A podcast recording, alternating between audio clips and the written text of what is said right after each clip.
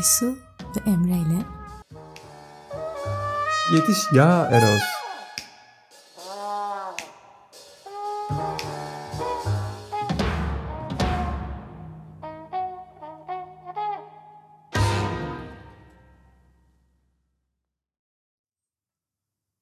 Hoş geldik yeniden.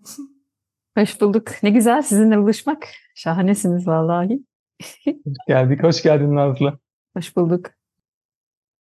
Bu bölümümüzde konuğumuz ilk defa Emre'nin ya da benim evimizin dışından birisi. Nazlı Çevik Azazi. Nazlı kimdir derseniz masal anlatıcılığı yolundaki ilk hocam kendisi. O yüzden şu anda ayrı bir heyecanlıyım. 2014'te onun verdiği masal anlatıcılığı eğitiminde tanıştık. Ki o zamanlar henüz Seyba yoktu. Ama bence gören gözler için böyle tohumu da ilk ekileceği bahçede oldukça aşikardı. Hemen ardından 2015'te Nazlı Hocam kendi deyimiyle iki hayal arkadaşıyla birlikte iyi ki var dediğim Seyba Uluslararası Hikaye Anlatıcılığı Merkezi'ni kurdu. Bu podcast'te neden bizimle beraber derseniz ilk başladığımız günden beri ben de öyle heyecanla Eros ve Psyche'yi yani aşkı ve ruhu anlatmayı diliyorum ama e, maalesef henüz anlatabilecek kadar o mitin içinde böyle demlenmiş değilim. Ben de Nazlı hocamdan destek istedim. Ve o da bu yoğun ve değişken yaz gündeminin içinde bizi kırmadı ve geldi. O yüzden tekrardan teşekkür ederim. İyi ki geldin, iyi ki buradasın Nazlı. Evet, ben de teşekkür ederim davetiniz için. İyi ki buluştuk. Bakalım ne çıkacak bu buluşmadan. Bakalım, heyecanla bekliyoruz. Her zaman olduğu gibi böyle başlamadan önce Nazlı'yla da paylaştık. Böyle bir kısa bir e, halimizi, işte gündemimizde ne var, ne canlı yaşamımızda onlara dair böyle birer ikişer, üçer beşer cümle kurup oradan da yavaş yavaş konuya doğru ilerleriz diye düşünüyoruz. Başlamak isteyen var mı? Hadi ben başlayayım. Evet Emre benim de içimden senin başlaman geçiyordu. tamam. Hadi sen başla. Anlaştık. Kayda başlamadan önce Aysu'yla ve daha sonra Nazlı'yla da paylaştığım üzere biraz önce bir bir süredir yapmıyordum. Bir yapılacaklar listesi hazırladım kendime ve böyle dağ gibi bir liste çıktı. Büyük bir paniğe sevk etmiyor beni. Bilakis böyle yapacak çok güzel işlerim. Bunun içinde evi temizlemek de var bu arada. Aysu'yla bir inziva düzenlemek de var. Güzel, kıymetli ve yaşamda gereken işlerim var. Onların böyle bir alt alta görmek güzel geldi. Hatta o dağınıklıktan ve çokluktan dolayı aslında bir an için bu bölüme katılmamayı bile e, acaba Aysu'ya mı bıraksam sadece alanı dedim. En azından bir merhaba diyeyim diye girdim. Tabii ki girince ve Nazlı'yla da yüz yüze gelince kalma hevesim zaten vardı ama e, kalabileceğime dair inancım da yükseldi. Bu yoğun gündemin haricinde bugün 19 Temmuz kayda aldığımız gün muhtemelen Ağustos başında bunu dinliyor olacaksınız en erken. Tabii çok daha sonra dinleyenler de olabilir. Sıcaklar var. Benzin fiyatlarında çok ciddi artışlar var. Ekonomiye dair ve bayağı kişisel hayatlarda tedirginlikler duyuyorum insanlarla sohbetlerde, bugünlerde bol bol. Kendimde de çok sık olmaz ama gerçekten bazen fazla geliyor bütün bu olanlar. Onun dışında kendi halimdeyim. Çok fazla dış gündemle iştigal etmiyorum bir süredir. Tadım, tuzum, keyfim yerinde. Uzun zamandır varlığından haberdar olduğum Nazlı ile böyle karşı karşıya geldiğim için fazladan bir mutluluk hmm. içindeyim şu an. Deyip şimdilik bırakabilirim galiba. Hmm. Benzin fiyatlarından devam edeyim. Ya böyle bugünlerde yakan çok şey olduğunu görüyorum. Dün daha bir çemberde ölüm çok görünür oldu diye konuştuk. Her daim zaten mevcut ama nedense bu yaz ayrı bir yanma, yakılma hali bana öyleymiş gibi geliyor. Benim kişisel hayatımda da Emre'nin yaptığı benim için daha çok böyle kapanacaklar listesi geçen hafta bir yaptım. Biraz gözümü korkuttu. Bununla beraber memnunum. O durup nefes alıp önceliklendirme konusunda en azından yol gösterici olacağını umuyorum.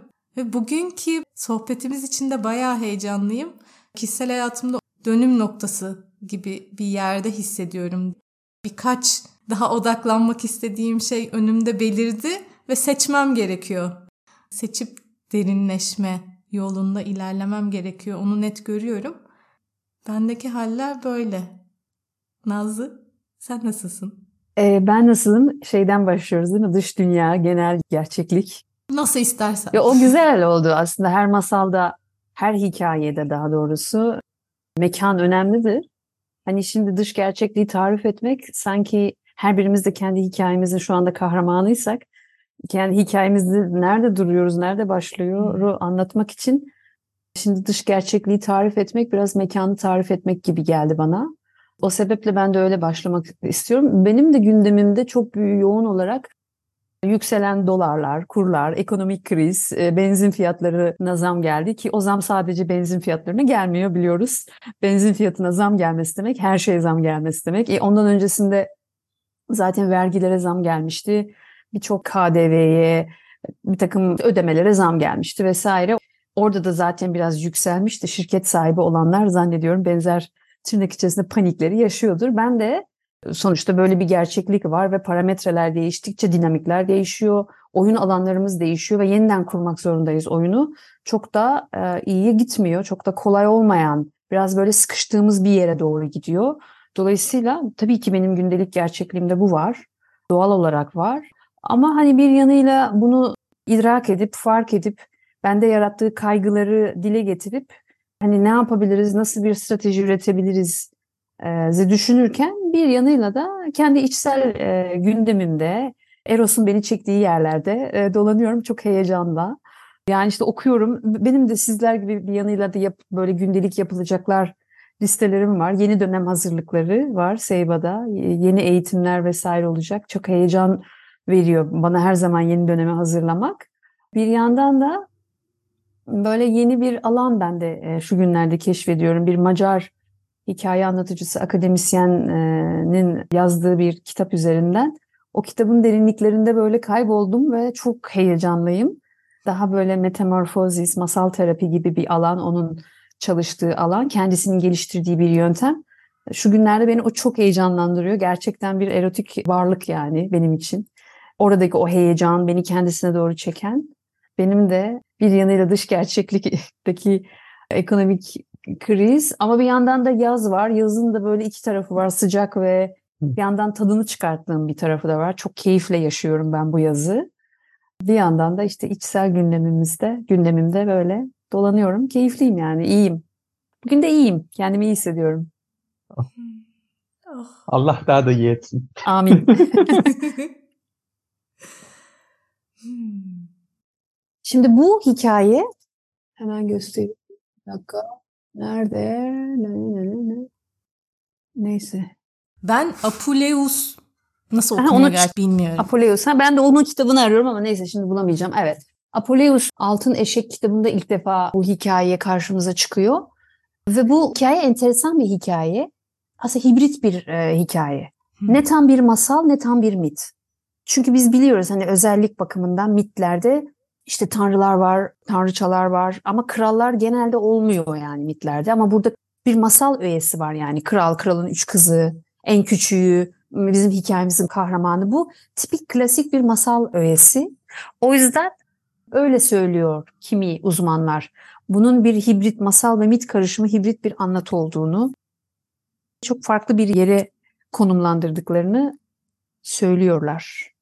Hmm. Evet. Teşekkür ederim bu bilgi oh. için. Buna kadar böyle mitler hiç çekici gelmedi bana. Hı hı.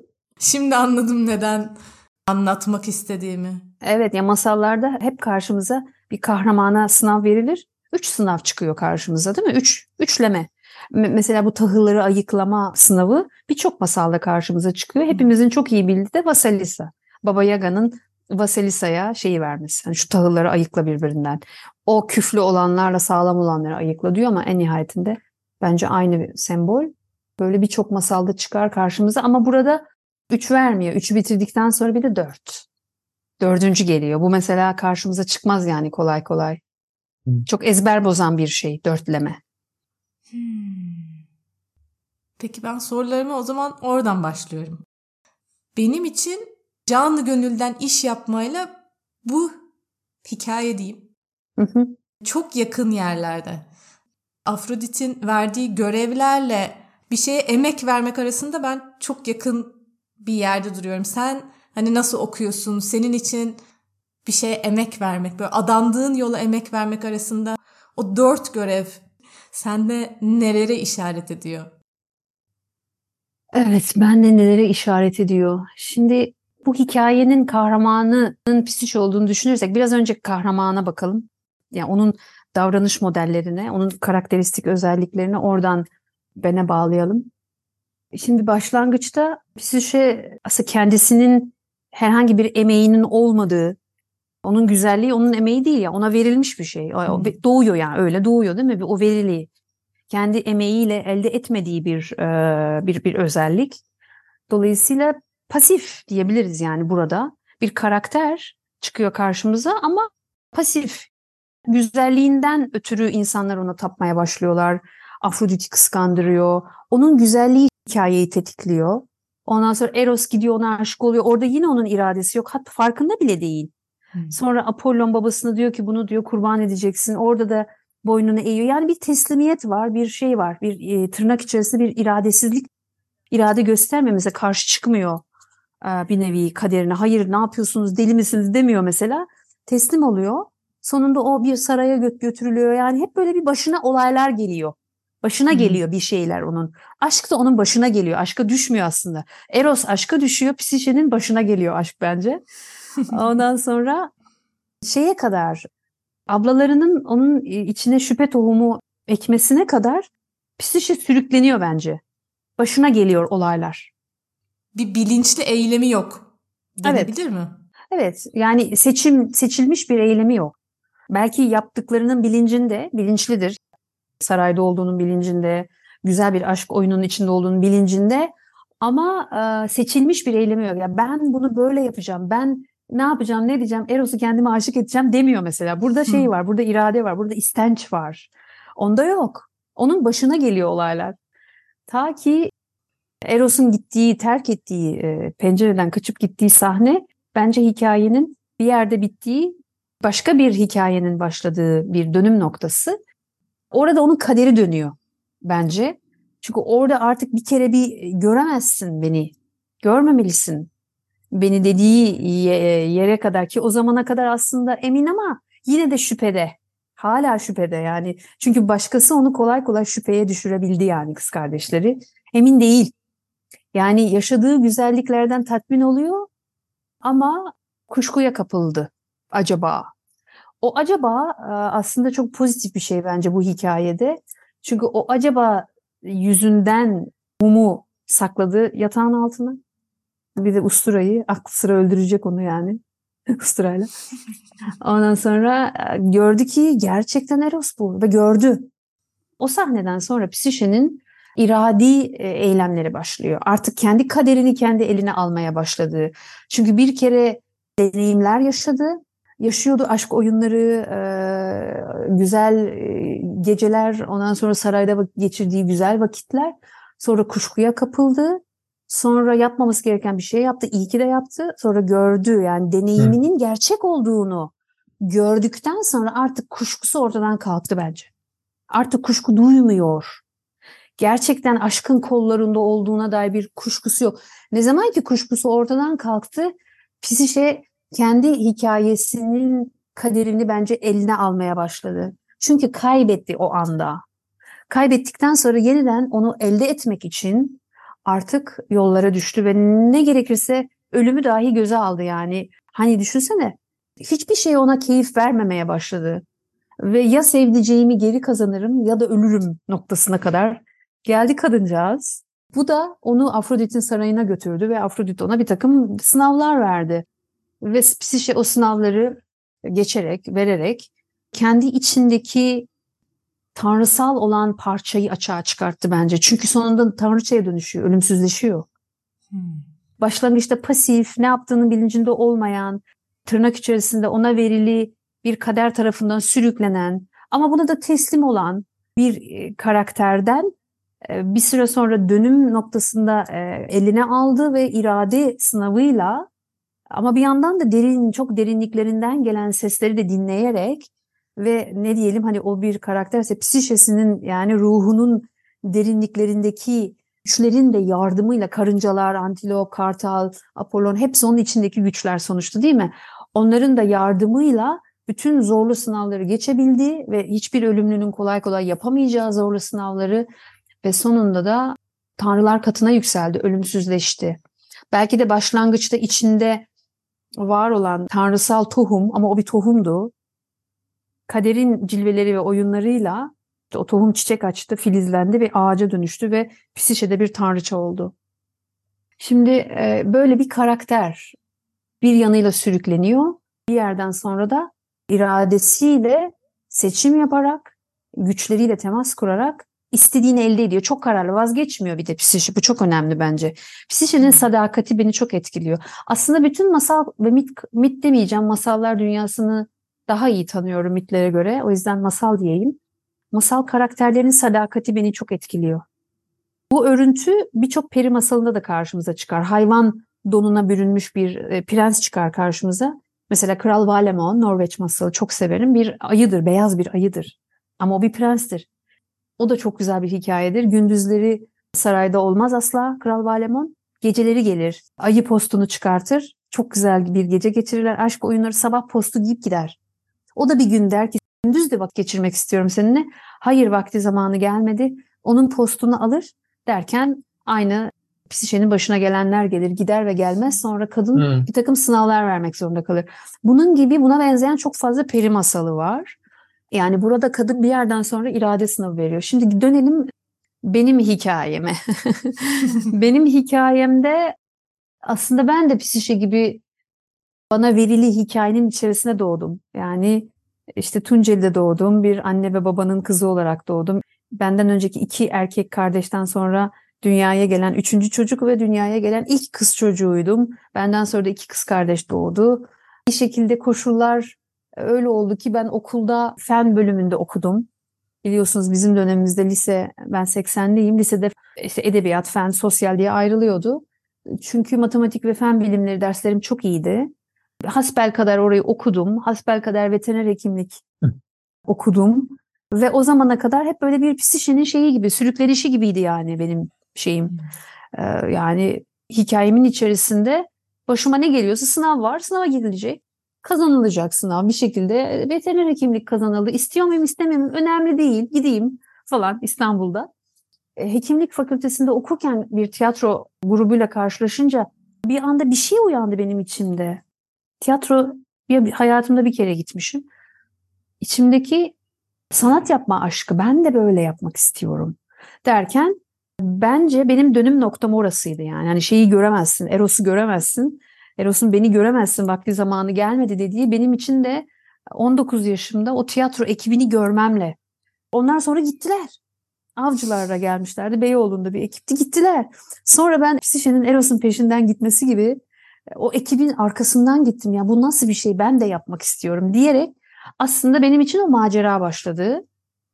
Macerada işte tiyatro, oyunculuk, yönetmenlik, çok uzun uzun e, ve derin deneyimler. Sonra yaratıcı dansla tanıştım.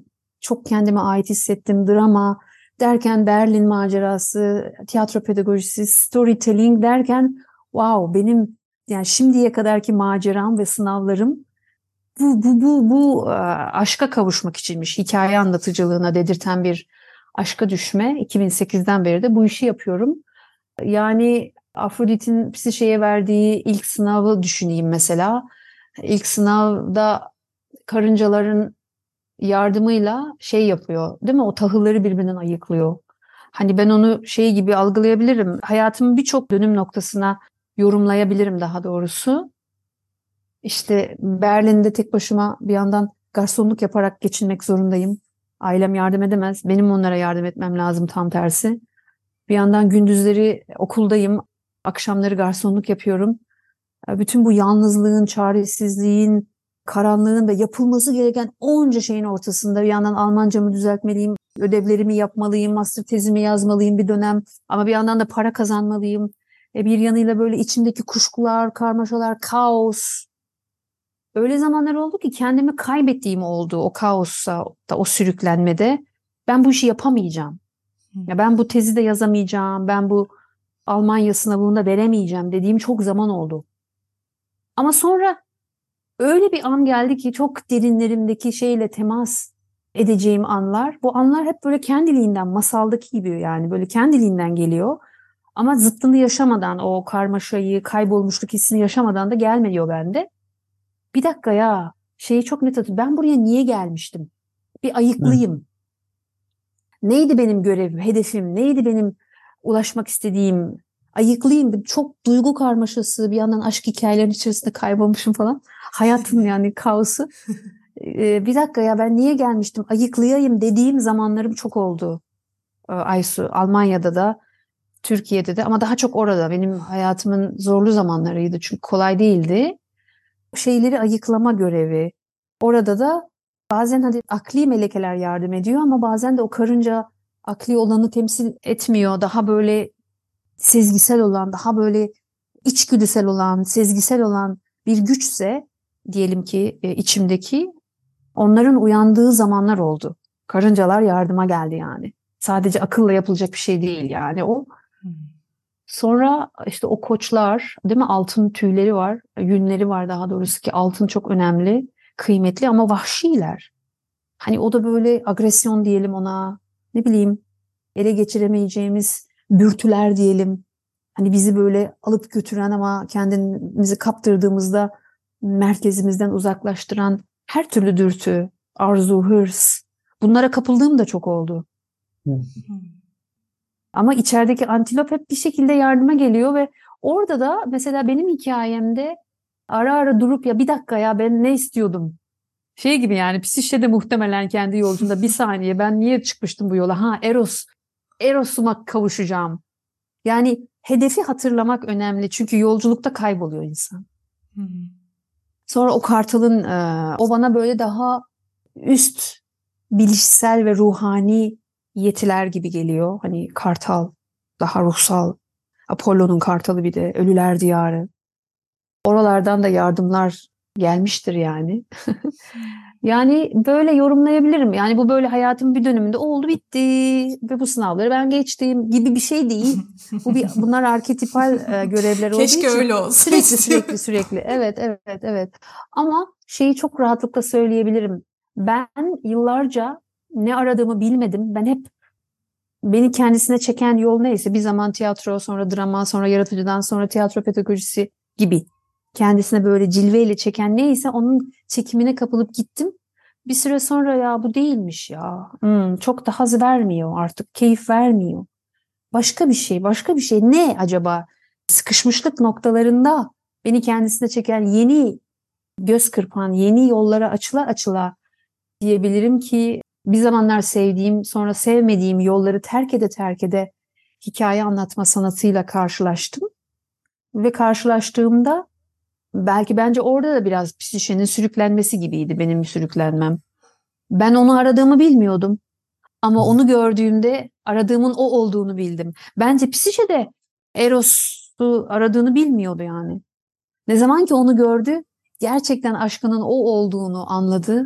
Ondan sonra ona tutundu. Ben de 2008'den sonra hikaye anlatma sanatına böyle tutundum ve elimden geldiğince aşkla, Eros ilkesiyle derinleşmeye çalışıyorum bu yolda. oh. Bir yandan Emre'nin not aldığını görüyorum. O yüzden ben devam etmeden şöyle bir durup Emre senin sormak istediğin bir şey var mı?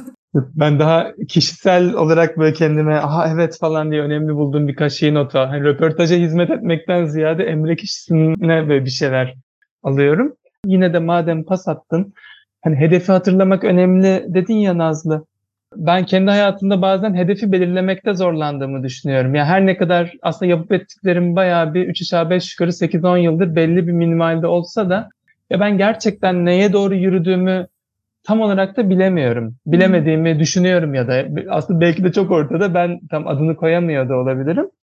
Sonra sen yıllarca ne aradım bulamadım ayıklaya ayıklaya da biraz ortaya çıktı dedin. Ya buna dair böyle bunları duyunca şimdi kafa salladığımda hmm. görüyorum. Böyle bir, bir, bir şey uyandıysa belki. Hmm. Şey söyleyebilirim buna dair. Hedef belirlemek çok daha böyle stratejik bir akılla yapılan bir şey ya. Benim kastettiğim böyle bir şey değil zaten. Hı hı. Aslında şöyle bu bir nitelik, strateji belirlemek, rasyonel aklımızla, sol beynimizin hakimiyet alanında olan değil mi? Rasyonel yetimizle strateji belirlemek, adım belirlemek buna ihtiyacımız var. Bunu yok saymıyorum.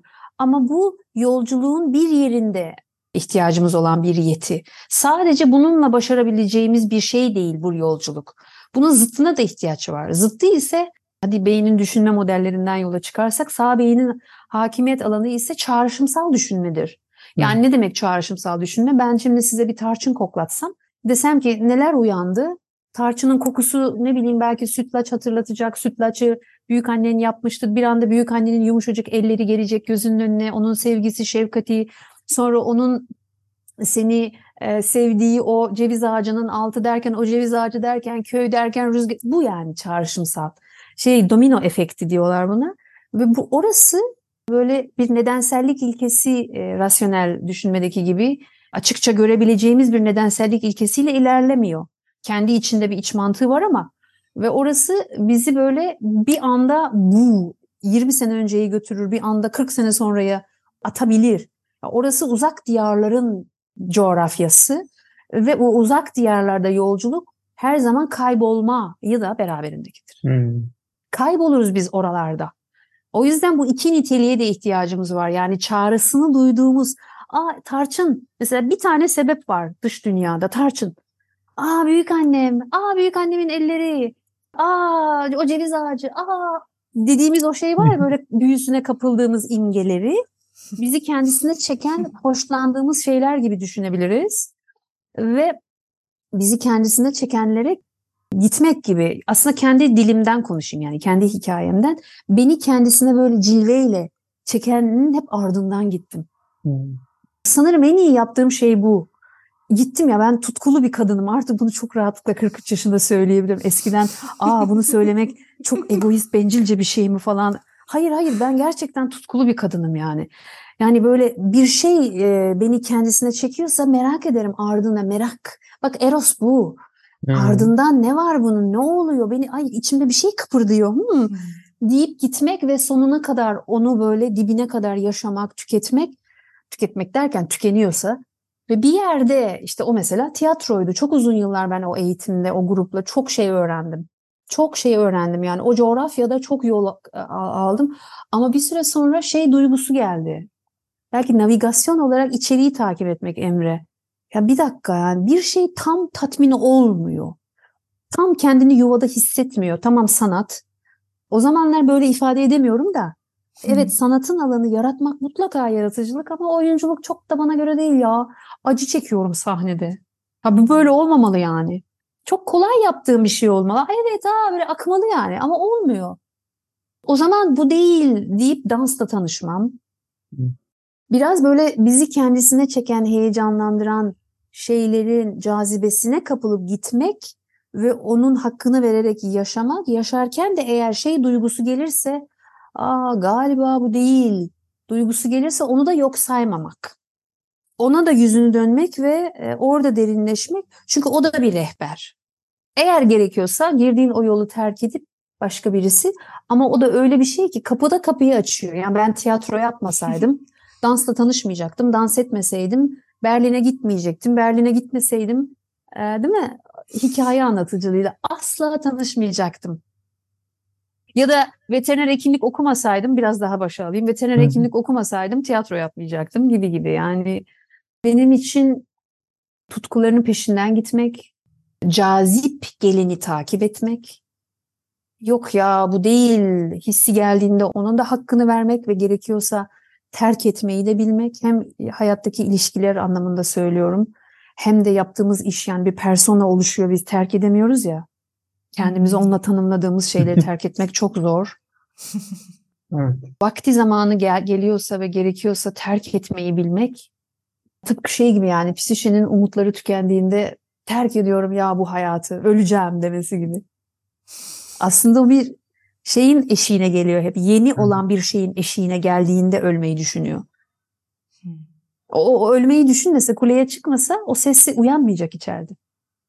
Yani hayatını dahi, hayatından dahi vazgeçecek olmuyor. Terk ediyorum. Hayatı terk ediyorum. Derken bir ses.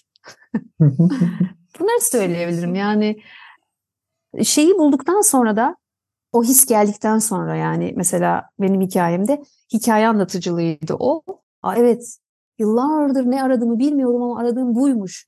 Çok net hatırlıyorum o çarşamba günü ya bunun içinde her şey var dediğimi. Hmm. İçinde meraklı olduğum kadim gelenekler var, sembolizm var, içinde tiyatro var, içinde dans var. Çünkü tiyatral olan bir şey dans da içinde. Beden çünkü mekan, performatif olan var. Çünkü ben performatif sanatları seviyorum.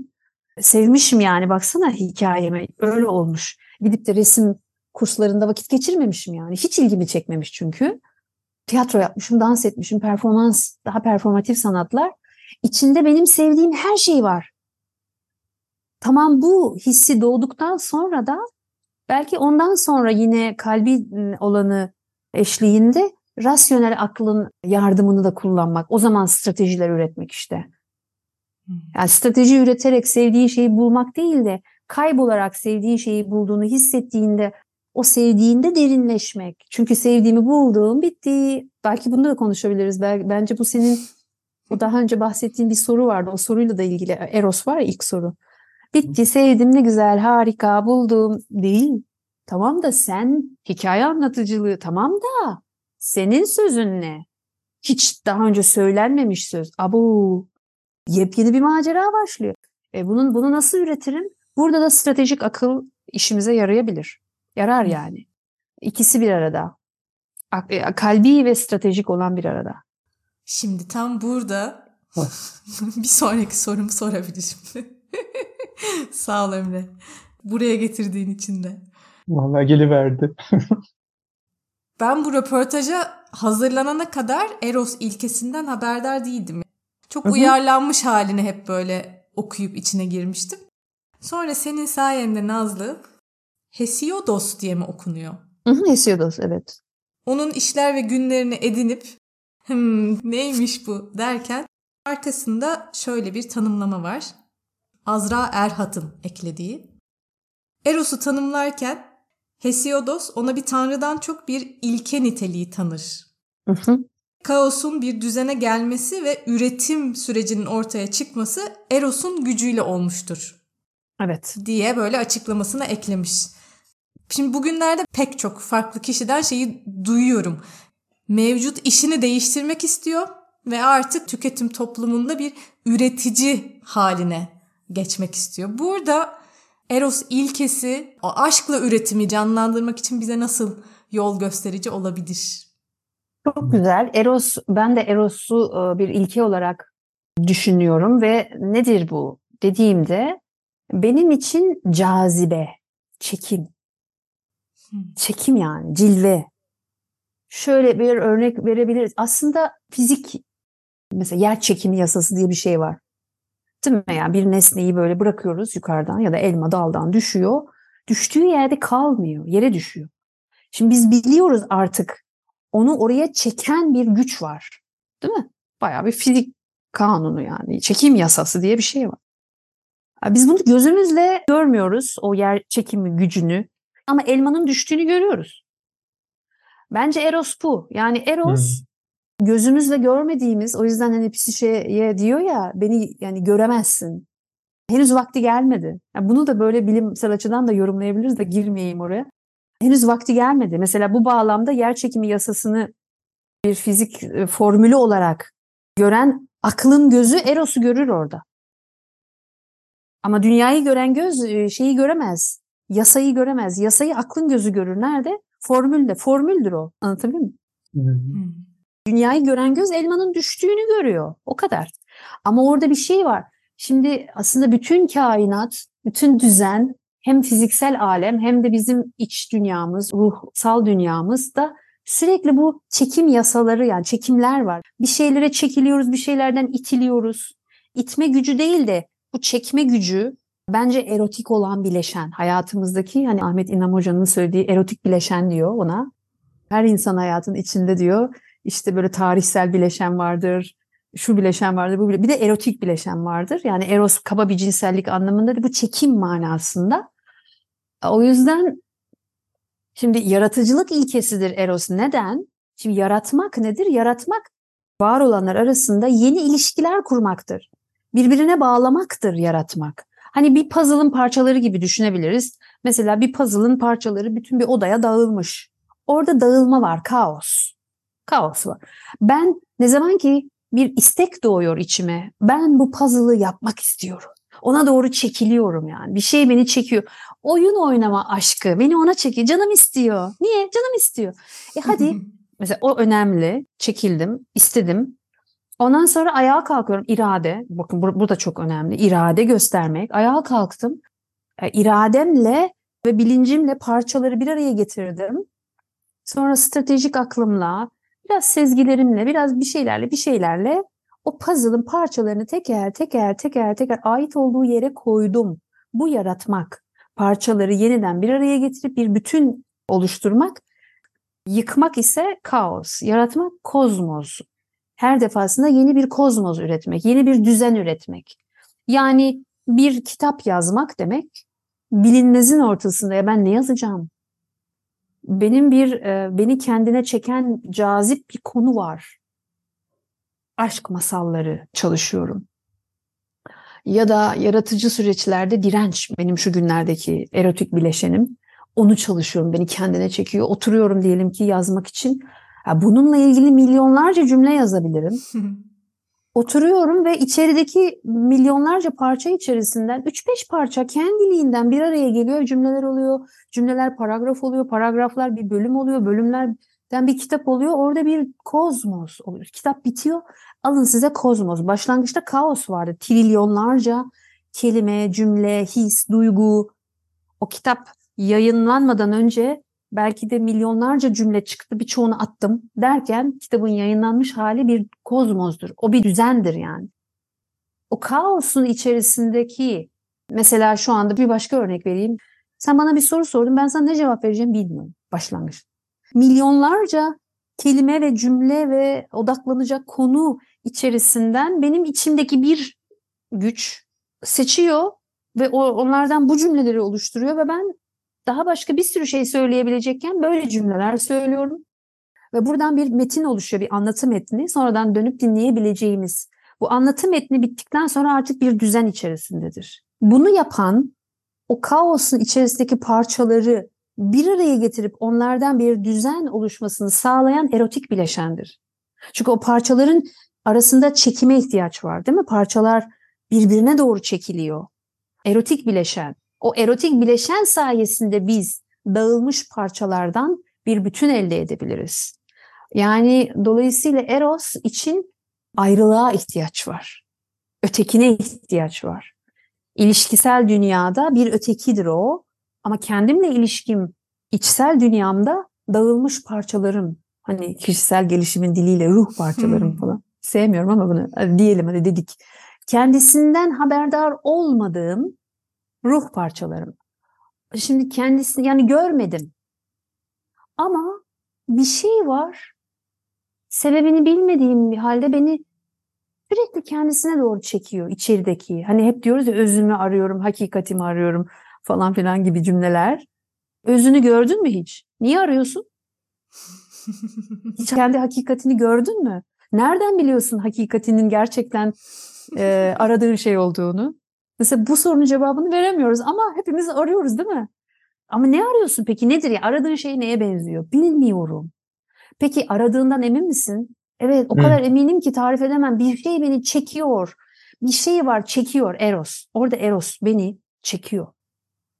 Kendi bütünlüğüme, tamlığıma işte aşk bu yani. Bu bu bu aşk sayesinde aslında hem ötekiyle buluşarak bir macera yaşıyorum ama aynı zamanda kendi içsel dünyamda hiç bilmediğim parçalarımla buluşarak bir macera yaşıyorum ve bu da e, kaostan kozmoslar yaratmama sebep oluyor. Ama bu da praksisle olmuyor. Şimdi çekiliyorum. Ay çekiliyorum. e, tamam çekil. Ne, yani ne yapıyorsun bunun için? Sorusu çok önemli. Hani buna şey diyor Platon. Diyor ki öğrenmek hatırlamaktır. Allah Allah. Nasıl yani? Yani demek ki biliyoruz ki hatırlayacağız. Aslında ne yapacağımı biliyorum ben. Peki nasıl hatırlayacağım? Orada anemnezis diye bir kelimesi var onun. Çok güzel bir kelime. Unutuluşun ortadan kaldırılması gibi bir çevirisi olabilir. Hatırlayış yani. Hmm. Ama anemnezis kelimesinin içinde mnesis kelimesi var. O hafıza demek. Yunanca. An amnezis içinde bir de amnezi kelimesi var. O da unutmak demek. Bak bir kelime içinde kelime kelime. Matruşka bebekler gibi. Yani kökünde anamnezis, kökünde mnesis, hafıza. Amnesis, unutuş. Anamnesis, unutuşun ortadan kaldırılması. Hmm. Çok güzel kelime değil mi? Bakın matruşka oh. yani bu şu demek çekirdekte yani bir hafıza var sende zaten. Hani ona kozmos psişe ve antropos psişe diyor ya sende zaten var gömülü o hakikatler. Yani hafıza var, bir şeyin hafızası var ama amnezi olmuş, unutmuşsun. Bu dünyaya doğarak unutmuşuz biz onu. Böyle doğmuşuz. O zaman insanın bu dünyadaki macerası ne yöne gitmeli? Anamnezis yönüne doğru gitmeli. Ne demek bu? Zaten sende var olanı ama unuttuğunu hatırlayarak, bu unutuşları ortadan kaldırarak kendi maceranı yürüyebilirsin diyor. Ben böyle okuyorum. Peki bunu nasıl yapacağız? Platon felsefesinde. Neden Platon? Çünkü önemli yani antik Mısır geleneğinde, hermetik gelenekte inisiye olmuş birisidir biliyorsunuz. Platon çok öylesine bir filozof değildir. Pisagor gibi tıpkı oldukça önemlidir. Demek ki bende var olan ama unuttuğum, çünkü bu dünyaya doğdum ama o mağara alegorisinde de bunu anlatıyor. Unuttuğum bir şeyi hatırlayacağım. E nasıl hatırlayacağım? Nasıl hatırlayacağım? O zaman da praksisi bizim önümüze koyuyor. Ee, yani bir teorik bilgi var, bir de pratiğin doğurduğu bilgi var der. Burada teorik bilgi e, önemli olduğu kadar pratik bilgiye çok önem veriyor ve pratik yaparak yani ay bir şeye doğru çekiliyorum, aşk duyuyorum. Nedir o? Tiyatro. Gördüm 19 yaşındaydım. Kampüsteydim. Onlar oynuyordu karşımda. Çekildim Eros. Harekete geçti. Ama ondan sonra hiç gitmedim. Ve hekimliği e, daldım. Çekildim. Ya bir şey yani bir praksis çekildiğim şeye doğru bir pratik yapmazsam o harekete geçmez. Oradaki bana ait bir zamanlar unuttuğum şeyi hatırlayamam. Pratik yaparsam hatırlarım. Pratik, pratik, pratik, pratik. Hmm. O yüzden de hani yola çıkmak lazım. İçine Berlin'e gitme isteği düştüyse gitmek lazım. Ya ben bu kursa gitmek istiyorum. Git. Ya ben atölye açmak istiyorum. Aç, dene. Ya yok ya bu değilmiş. Duygusu geliyorsa ondan sonra bırak. Pratik, pratik, pratik ki bizim varlığımızda gömülü olan derin içsel hakikatlerimizi bize verilmiş armağanları belki de hani herkesin armağanı da farklı. Benimkisi anlatıcılık yönüne hizmet etmek. Sizinkisi Eros'a hizmet etmek belki. Her ne kadar birçok yerde buluşsa da ayrıldığı yerler var. Bir başkası belki şifacıdır yani şifa vermek. Tıp hekimi değil mi? De bir başkası için dans etmektir bu. Herkesin hediyesi farklı çünkü. Herkese verilmiş ama unuttuğu hediye. Bunları hatırlamak ve bu da eros olmadan olmuyor. Bu erotik bir şey yani. Çok erotik bir şey. Bu bağlamda eros çekmek, çekilmek için ayrı düşmek gerekiyor. Demek ki ayrı düşmüşüm, unutmuşum yani. Unuttuğum, bana ait olan ayrı düştüğüme doğru çekiliyorum. Bunun için eyleme geçmek lazım, psişe gibi yola düşmek lazım, korkmamak lazım. Ve ne zaman ki ayrı düştüğün maşukunla birleşiyorsun, orada aşk kalmıyor bence artık. Artık aşk işlevini bitiriyor. Eros Eros'un işi bir yere kadar. Hmm. Bir yerden sonra artık aşk kalmıyor. Başka bir şey oluyor. Orayı ben bilmiyorum ama ne olduğunu ama başka bir şey olduğunu eminim. Sadece tariflerden size dedikodu üretebilirim. Aa böyle duydum diyorlar ki böyle böyle oluyormuş.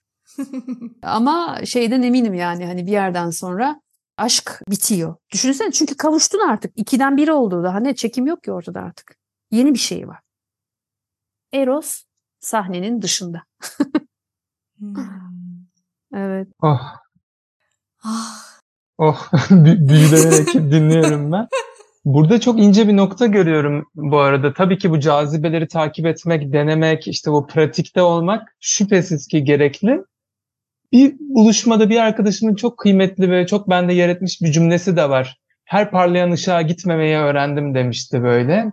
Orada onu ayırmak yani ne gerçekten erotik ve beni çekiyor, neresi bir maymun iştahlılığım ve acaba tüketim odaklı ya da sırf sadece denemek için, sadece deneyim yaşamak için. Ya orada bir incelik yani bunu soru çok olarak Çok doğru. Yok çok çok doğru. Ben soru olarak şöyle bir şey çevireceğim. Cazibe sanırım suyun akış yönü aynı zamanda. Doğru mu biliyorum? Ben hatırlamıyorum. Cilve kelimesinin etimolojisini hatırlıyorum. Hmm. Cilve ciladan geliyor. Cila, parıldayan, parlamak, cilalamak. Hmm. Tan geliyor. Cilve ve cazibenin bir bağı olmalı. Bakmak lazım etimolojik sözlüğe bilmiyorum. Benim aklımda böyle suyun kendiliğinden aktığı yol aynı zamanda cazibe. Hemen bakalım. Sen söylerken ben hemen sevdiğim bir etimolojik sözlükten bakıyorum. Sen evet söyle. Gel böyle cazibe cazibe deyip duruyoruz.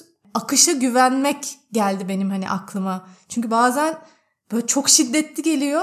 Bazen de böyle çok yumuşak yumuşak hissediliyor ama her türlü nasıl geliyorsa gelsin o akışa güvenmenin iş yapmayla beraber birleştirince hani sende nasıl bir yere geliyor onu merak ettim Nazlı. Hı hı. Cazibeye baktım orada çeken demek. Çeken. Kuvvet yani bir, bir kuvvetin adı aslında. Kuvvet, çeken. Oradan bakarsan senin aklındaki imge, zihnindeki imgede suda kendi akışında düşünsene onu bir yerden bir yere doğru çeken bir güç sayesinde gidiyor. Kendiliğinden gitmiyor ki. Kendiliğine bıraksan durur.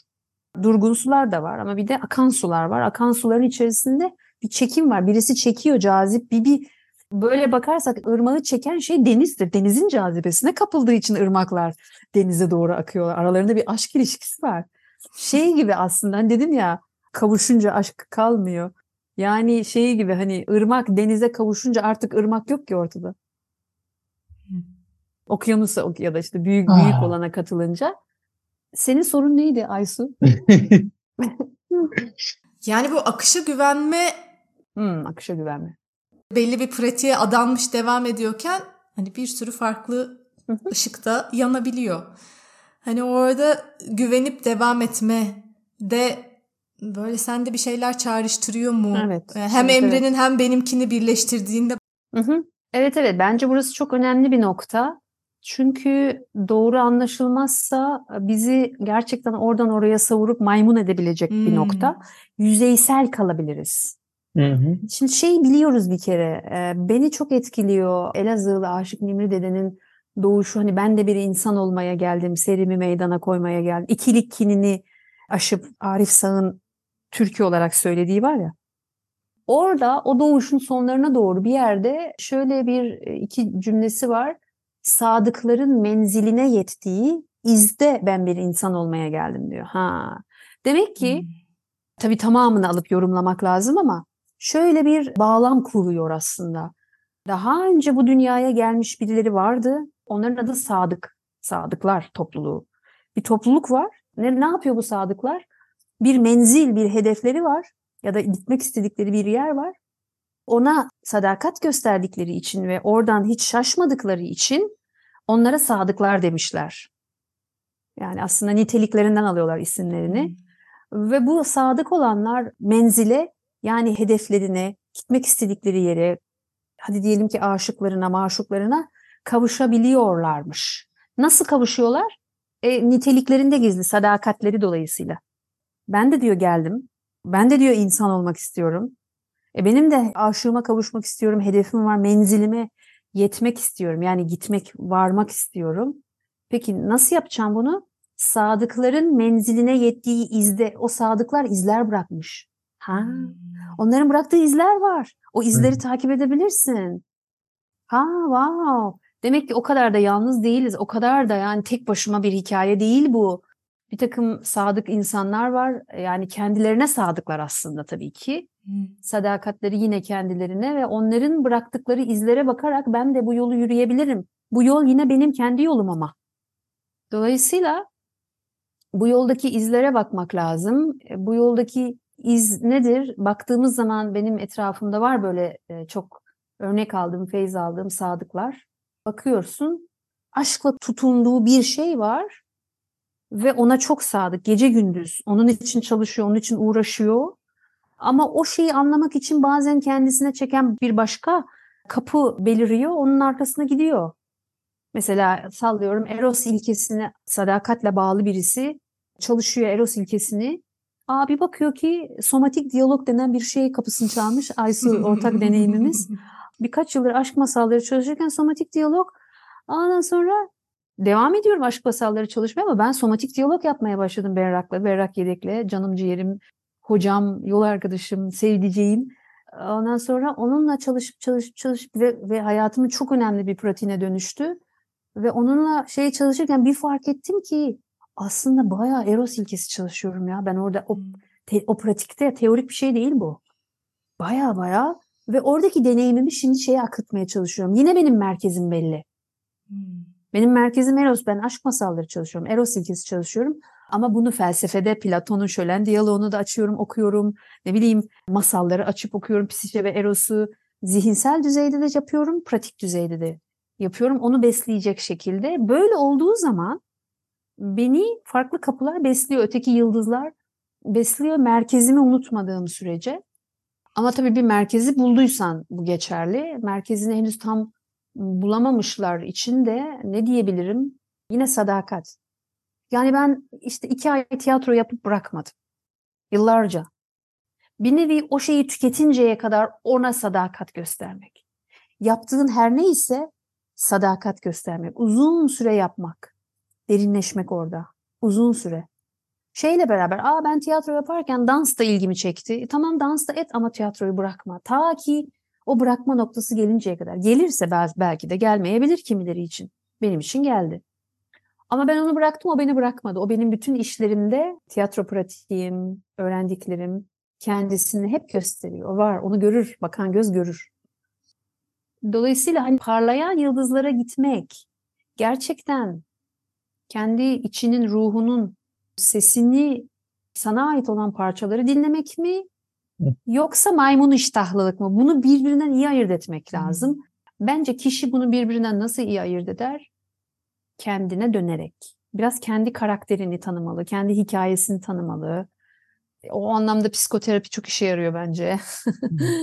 Benim yıllardır yani çok önemli bulduğum bir kendine bakma durağı. Bazen mesela kendimde yakaladığım bir şey bu. Bu da bir yaratıcı yolun direncidir. Derinleşme korkusu. Kendi ışığımızdan çok korkarız. Çok isteriz onu açığa çıkartmak, parlatmak, dünyayla paylaşmak. Ama bu da bir arketiptir. Hepimizde var. Masallarda bunu anlatıyor. Bir yandan ona meftunuz. Aşığız. Bulmak, açığa çıkartmak, işlemek, dünyayla paylaşmak istiyoruz. Bir yandan da çok korkuyoruz ondan. Ondan korktuğumuz için mi acaba ona değmemek için mi? Evet. Aa bu da varmış, bu da varmış, bu da hop hop hop hop yaptığımız sürece asla o derindeki o ışığa değemeyiz. Şimdi ışığa doğru çekilmek maymun iştahlılıksa bir yanıyla aslında kendine direnç de olabilir. Kişinin kendine direnmesi de olabilir. Kendi ışığına direnmesi de olabilir. Kendi hediyesine. Bu bilinç dışı seviyede bir direnç olabilir. Bunları iyi analiz etmek lazım belki bir rehberin yardımıyla. Bu da aslında yine şeyin kendisi, yine maceranın bir parçası. Kendimizi kaybetmeden, kendimize direnmeden gerçek ışığımıza da dokunamıyoruz. Orada bir tek navigasyon var. Bunu söyleyip susacağım. Benim için bir tek navigasyon var. Tasavvufta buna mutmain nefs diyorlar. Yaptığım işten mutmain miyim yani? Tatmin oluyor mu? Huzur buluyor muyum? Yani şu demek, Instagram'da paylaşmasam da, kitap hmm. yazmasam da, eğitimimde vermesem de tek başıma kaldığımda, tek başıma onu yapmasam çıldıracağım duygusu geliyor mu bir? İkincisi yaptığımda da hiç kimsenin beni görmesine ihtiyacım yok. Gerçekten bunu böyle yaptığım zaman yüzde yüz tatmin hissi geliyor mu? Ya yüzde yüz olmasa da hani belki hikayenin yolun başlangıcında büyük oranda. Eğer geliyorsa orada kal, ona o yola sadakat göster. Ta ki bir gün gelmeyinceye kadar. Gelmezse belki de hep gelecek. Ben diyorum hikaye anlatma sanatı şimdilik benim merkezim ama bir gün şeyi hissedersem yok ya bu beni tam böyle hmm, başka bir şey var bu değil dersem bunu da bırakırım. Aslanın o içeriği takip etmek. Hani o mutmain nefs bana göre yani en azından. Huzursuzluk varsa Oraya bakmak lazım ama Emre orada da ben susamıyorum biri beni sustursun. Oradaki huzursuzluğun niteliğini de iyi anlamak lazım. İşte huzursuzluk sırf şey de olabilir. Kendimden korktuğum için de kendime direndiğim için de huzursuz olabilirim. Eğer buysa orada durmak. Huzursuzluk yok ya bu bana ait bir şey değil, bu benim parçam değil. Bu başka bir şey, başka bir nitelik. Eğer bu niteliğe temas ediyorsam o zaman tamam cesurca terk edebilirim. Yine dön dolaş Delphi Tapınağı'nda Sokrates'in hocası Diotima'nın ki Şölen diyaloğunda Diotima çok güzel şeyler söylüyor. Delphi Tapınağı içinde yazan kendini bil yani. Sonra da devam ediyormuş duyduğuma göre. Kendini bil, kendini bilen tanrıları bilir. kendini bil değilmiş sadece. Kendini bilirsen tanrıları bilirsin. Tanrılar ne? Mitlerin bize söylediği ilkeler. Yaratma ilkesi, düşünme ilkesi, akli ilke, bir araya getirme kapasitesi, irade, arzu, çekilme, bir şey yaratma, macera. Bunlar sayesinde biz olanı yaratabiliriz. Bu dünyaya hediyemizi verebiliriz ve o zaman gerçek bir isim sahibi olabiliriz. O zaman mutmain bir biçimde ölebiliriz galiba. Eros bizi ölüme götürdü. Amin cümlemizi. Ben şeyi paylaşabilir miyim dinleyicilerle? Buraya onu eklemeyi çok istedim çünkü. Lütfen ben de son bunu eklemeden kapatamam diyeceğim bir şey var mı diyecektim. Evet Platon'un Şölen diyaloğunda biliyorsunuz orada işte böyle bir akşam bir araya geliyorlar ve orada Sokrat var. Ondan sonra işte şu anda isimlerini hatırlamadığım diğer karakterler bir tiyatro sahnesi gibi bir yandan yemek yiyip iç, içerek keyifle bir yandan da aşk üzerine konuşuyorlar. Bu öyle bir diyalog. Her biri aşk nedir? Keyifle söylüyor. Sonra Sokrat'a sıra geldiğinde o da e, söylüyor ve o da Diotima'dan aktarıyor bilgileri öğrendiği ki Diotima bir kadın filozof e, Sokrat'ın hocası biliyorsunuz. Ve diyor ki Diotima e, oradaki yani Sokrat'ın dilinden söylüyor. Aslında aşk ya Eros orada Eros ve aşkı biraz aynı ilke gibi konuşuyorlar. Eros, aşk, aşk, Eros gibi konuşuyorlar. Öyle dinleyebilirsiniz. Aşk nedir? Diotima diyor ki aşk güzellik içinde doğurma isteğidir. Azra Erhat'ın söylediği tam da bu. Yaratma dediği güzellik içinde doğurma istencidir diyor. Doğurmak, yaratmak. Ve diyor ki bütün insanlar diyor doğurgandır. Hem bedende hem ruhta. Her insan bedende de doğurur. Ruhta da her insanda bu vardır. Ve insan aslında ölümsüzlüğü arar. Bedenen çocuk yaparak da kendi ölümsüzlüğünü arıyor. Çünkü genlerini bir sonraki kuşağa aktararak aslında genlerinin ölümsüzlüğünü devam ettiriyor bir nevi. Bir de ruhta doğumlar ki bu da yaratıcılık benim için. Yaratmak, yaratıcılık, poesis, inşa, yeniden. Yaratıcılık, ruhta yaratmak da bir nevi Eros'un tam karşıtı olan ölüm, Tartaros, ölüler diyarı değil mi? Psişe iniyor aşağıya, ölüler diyarına iniyor. Oraya inmeden olmuyor. Ölüm, dağılma, parçalanma ilkesinin zıttı olarak Eros bir nevi ölüme direnmek. Nedir? Ölümsüzlüğü aramak. Yani bir şey yaratarak ölümsüzleşmek gibi. Aşk, Diotima'nın söylemine göre Eros, güzellik içinde doğurma istencidir. Ve sonra bir şey söylüyor. Ben onu böyle çalışırken defterime not etmişim. Onu da söyleyerek susayım. Diotima diyor ki amaca erişme çabasında kendini gösteren amaca. Aslında konuştuğumuz konular amaca. Bir amacım var, bir hedefim var ya da, ya da beni kendine çeken bir şey var. Amaca erişme çabasında kendini gösteren hırs ve aşırı ruh gerginliği ne şekilde ve ne tür faaliyet içinde tecelli ederse aşk adını alır. Çok güzel değil mi? Tekrar okuyayım. Amaca erişme çabasında kendini gösteren hırs ve aşırı ruh gerginliği ne şekilde ve ne tür bir faaliyet içinde tecelli ederse aşk adını alır. Ondan sonra diyor ki nasıl bir eylem söz konusudur burada diyerek de soru soruyor. Öyle devam ediyor diyalog. Şölen okunası bir diyalog bir kere okuyup bitirilesi değil tabii çalışılası güzel bir metin yani. Eros'la uğraşanların mutlaka uğraması gereken bir istasyon. Aşk ola, Eros bizimle ola. Bizi birbirimize bağlayan da bu erotik ilke. O yüzden hikaye anlatıcılığı çok erotik bir şey bence. Çünkü insanları düşünsene. Birisi iş yerinde plazada, birisi evinde, birisi yürüyor yolda, birisi ormanda bir çağrı. Saat 7'de Cihangir'de Hestia'da masal gecesi var. Hikaye var. Nazlı hikaye anlatıyor. Aysu hikaye anlatıyor. Emre hikaye anlatıyor. Bak bu hedef, çağrı, bir çağrı. Dağınık parçalar bir araya geliyor bir mekanda. Hmm. Bak bir bütünlendi. Gördünüz mü? Kaostu. Başlangıçta kozmos oldu. Seyirci topluluğu bir kozmos. Sonra şeye doğru çekildiler. Hikayeye doğru. Hikaye dinlemeye geliyorlar. Ne kadar erotik değil mi? Birbirine çekiyor insanları. Birbirine bağlıyor. Siz mesela atölye yapıyorsunuz. Çağrı. İnsanlar sizin eğer cazibenizi kullanırsanız bu da atölyenin ismi, tanıtım metni, görseli falan cazibeye dair şeyler ya. Onu iyi yaparsanız, kullanırsanız insanlar cazibesine kapılıyorlar onun. Bir araya geliyorlar çemberde. Bakın ne kadar erotik. Bir araya geldik. Bir bütün kozmos. Kaostu başlangıçta kozmos. Sonra o kozmosun içinde başka kozmoslar. Başka kozmoslar. Başka sürekli bu ilke devam ediyor Eros sayesinde. O yüzden yetiş ya Eros. Ah, Oh. Allah razı olsun Nazlı. Amin hepimizden. Valla siz olmasanız bana bu cümleleri kim söyletecek? Ya aşk olsun. Vallahi çok sağ ol. Şimdi dağılabiliriz. Yeniden toplanmak üzere. Aynen. Çok lezzetliydi benim için gerçekten. Hani Allah muhafaza kafam dağınık katılmasam mı size mi bıraksam bugün alanı diyordum. Korumuş. Benim için de valla sayende Emre, Aysu sayenizde. Çok böyle teşekkürler. hoş. Ben de sohbetin bu, bu yönünü seviyorum. Ben şimdi sen soruları göndermiştin ya. Biraz zihnimdeki kaosu düzene çekeyim diye yazdım soruların cevaplarını. Şey yaptım yani hani böyle odak noktam ne, ne söylemek istiyorum. Mesela sana yazdığımı göndereyim yazdıklarımı. O nerede, bu nerede? Ama ben biliyordum. Hani ben onu bir başlangıç olsun diye.